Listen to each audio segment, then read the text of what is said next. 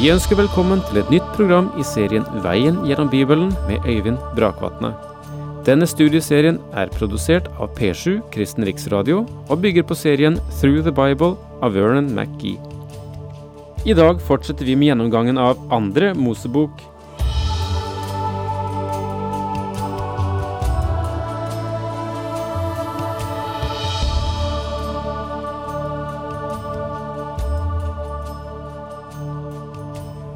Ja, vi er fremdeles i annen Mosebok, i kapittel 33. Vi avsluttet kapittel 32 sist. Og nå tør jeg ikke si at det kapittelet vi har foran oss, det er et veldig interessant kapittel, for det sa jeg om det forrige. For der hadde vi gullkalven, og der hadde vi denne kolossale, mektige forbønn som Moses utøver for sitt folk. Og jeg kan bare sammenligne den med den bønn som Abraham hadde for Sodoma og Gomorra, og som du kan lese om i Første Moseboks 18. kapittel. Å du og du, om vi kunne få mer ut av disse bønnekjempene i vår midte, som vil stride med Herren og stride for folket i en vanskelig tid. Ok, kapittel 33 er vi nå på i annen Mosebok. Her opplever vi nå i dette eh, kapittelet at Guds personlige nærvær fjerner seg fra leiren som et tegn på at nå er det oppbrudd.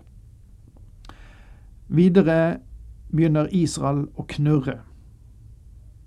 Så merker vi at Herren taler med Moses, og så ender dette kapittel i en dyp lengsel fra Moses' side etter å se Herrens herlighet.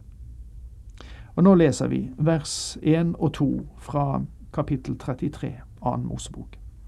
Siden sa Herren til Moses, dra bort herfra, både du og det folket du har ført opp fra Egypt, til det landet som jeg med ed lovte Abraham og Isak og Jakob da jeg sa, din ett vil jeg gi det. Jeg sender en engel foran deg og driver ut kananeerne, amorittene, hetittene, perisittene, hevittene og jebusittene. Gud forbereder Israel for å dra inn i landet. Når vi kommer til fjerde Mosebok, tas beretningen om den fortsatte vandringen gjennom ørkenen opp igjen. Tredje Mosebok inneholder vesentlige regler og forordninger vedrørende tjenesten i tabernaklet, det tabernakel som vi ser reist i annen Mosebok. Dra opp til det land som flyter med melk og honning. Selv vil jeg ikke dra med deg, for du er et strilynt folk, ellers kunne jeg gjøre ende på deg på veien. Da folket hørte denne harde tale, sørget de, og ingen tok sine smykker på seg. Disse smykkene var hedenske, som jeg har nevnt tidligere. Øreringene, for eksempel, viste at de fremdeles tilba Egypts guder. Øreringene var et tegn på det.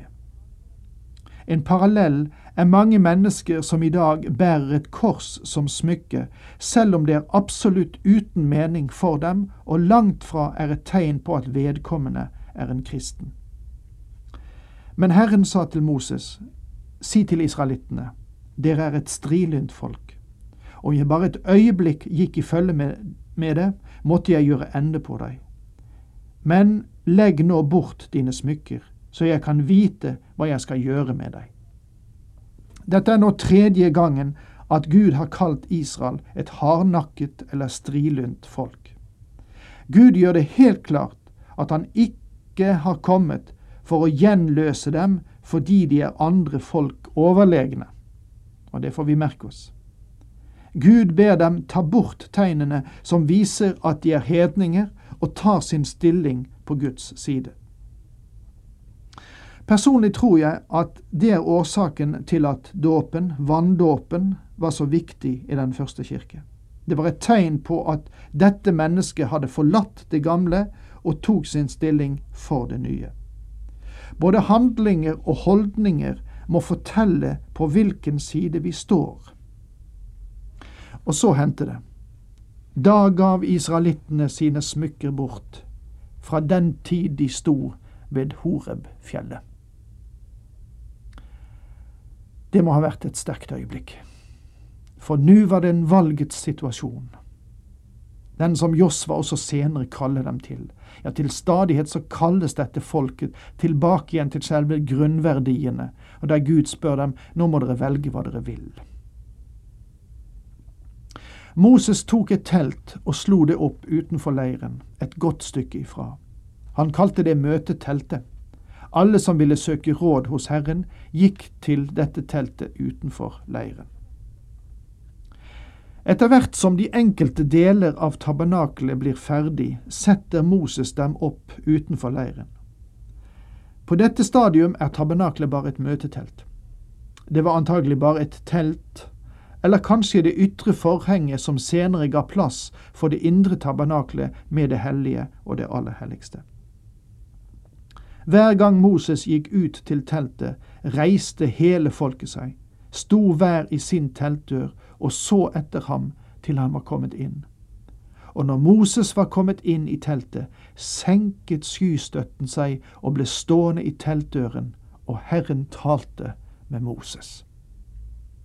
Spørsmålet reiser seg igjen. Har noen sett Gud? Johannes 1,18 sier oss at intet menneske har sett Gud ved noe tidspunkt. Johannes 14 vers 9 forteller oss at de som har sett Jesus Kristus, har sett Faderen.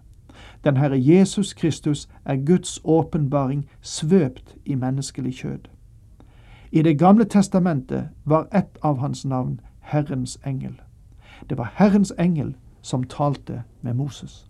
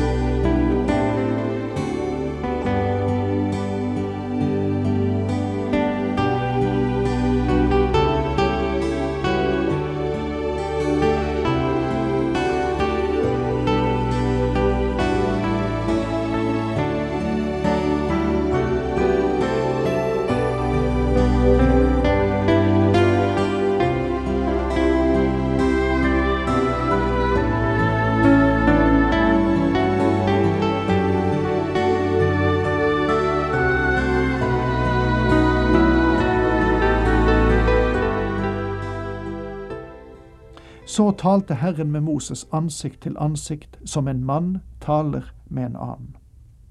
Den gamle oversettelsen sier som en mann taler med sin neste. Men det kan også oversettes slik som en mann taler med sin venn. Gud og Moses talte med hverandre som venner, og likevel så ikke Moses Gud. Siden gikk Moses tilbake til leiren men hans tjener, en ung gutt som heter Josva, Nuns sønn, holdt stadig til i teltet. Enda en gang blir Josva nevnt. Han er den Gud forbereder som Mose etterfølger. Jeg tror ikke det var mange som ventet seg det akkurat da. Men først når vi kommer til Josva-boken, får vi se at han var kanskje den man minst ventet skulle etterfølge Moses. Moses sa til Herren, Du sier at jeg skal føre dette folket opp, men jeg får ikke vite hvem du vil sende med meg, enda du har sagt at du kjenner meg ved navn, og at jeg har funnet nåde hos deg.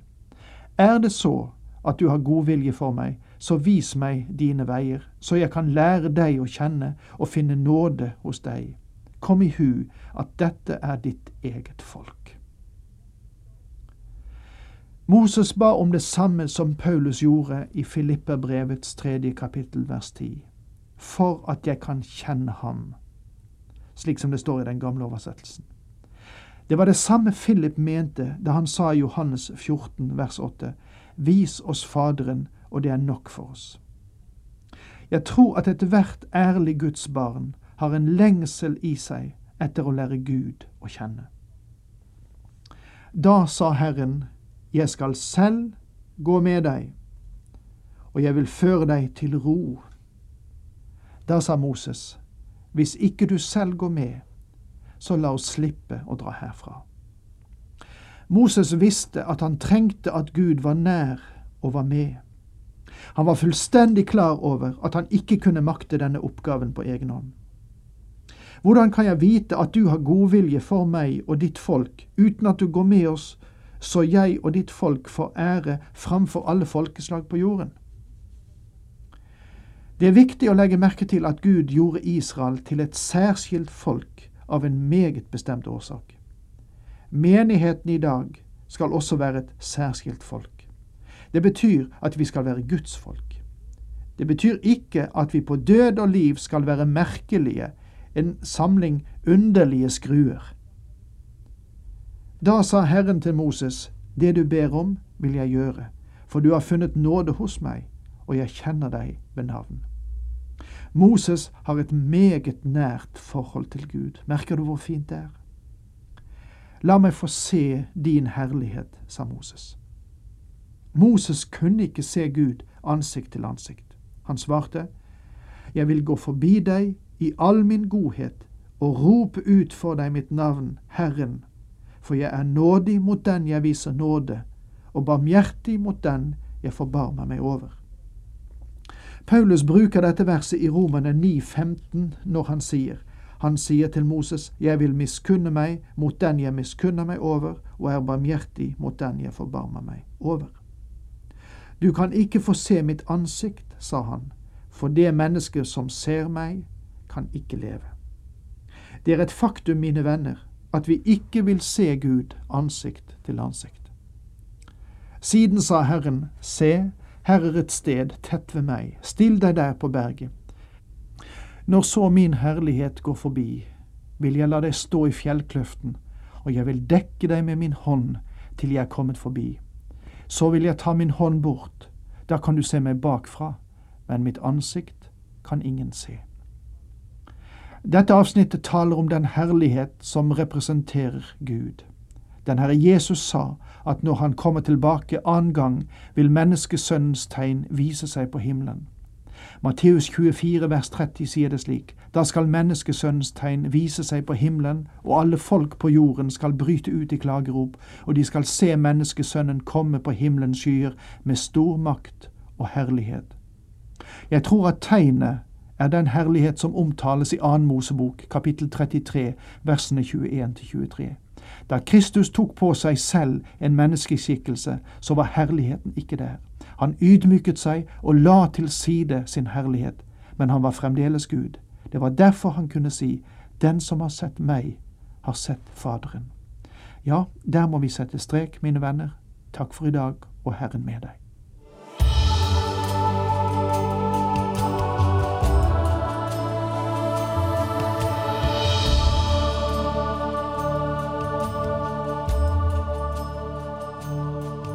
Du hørte Øyvind Brakvatne i studieserien Veien gjennom Bibelen.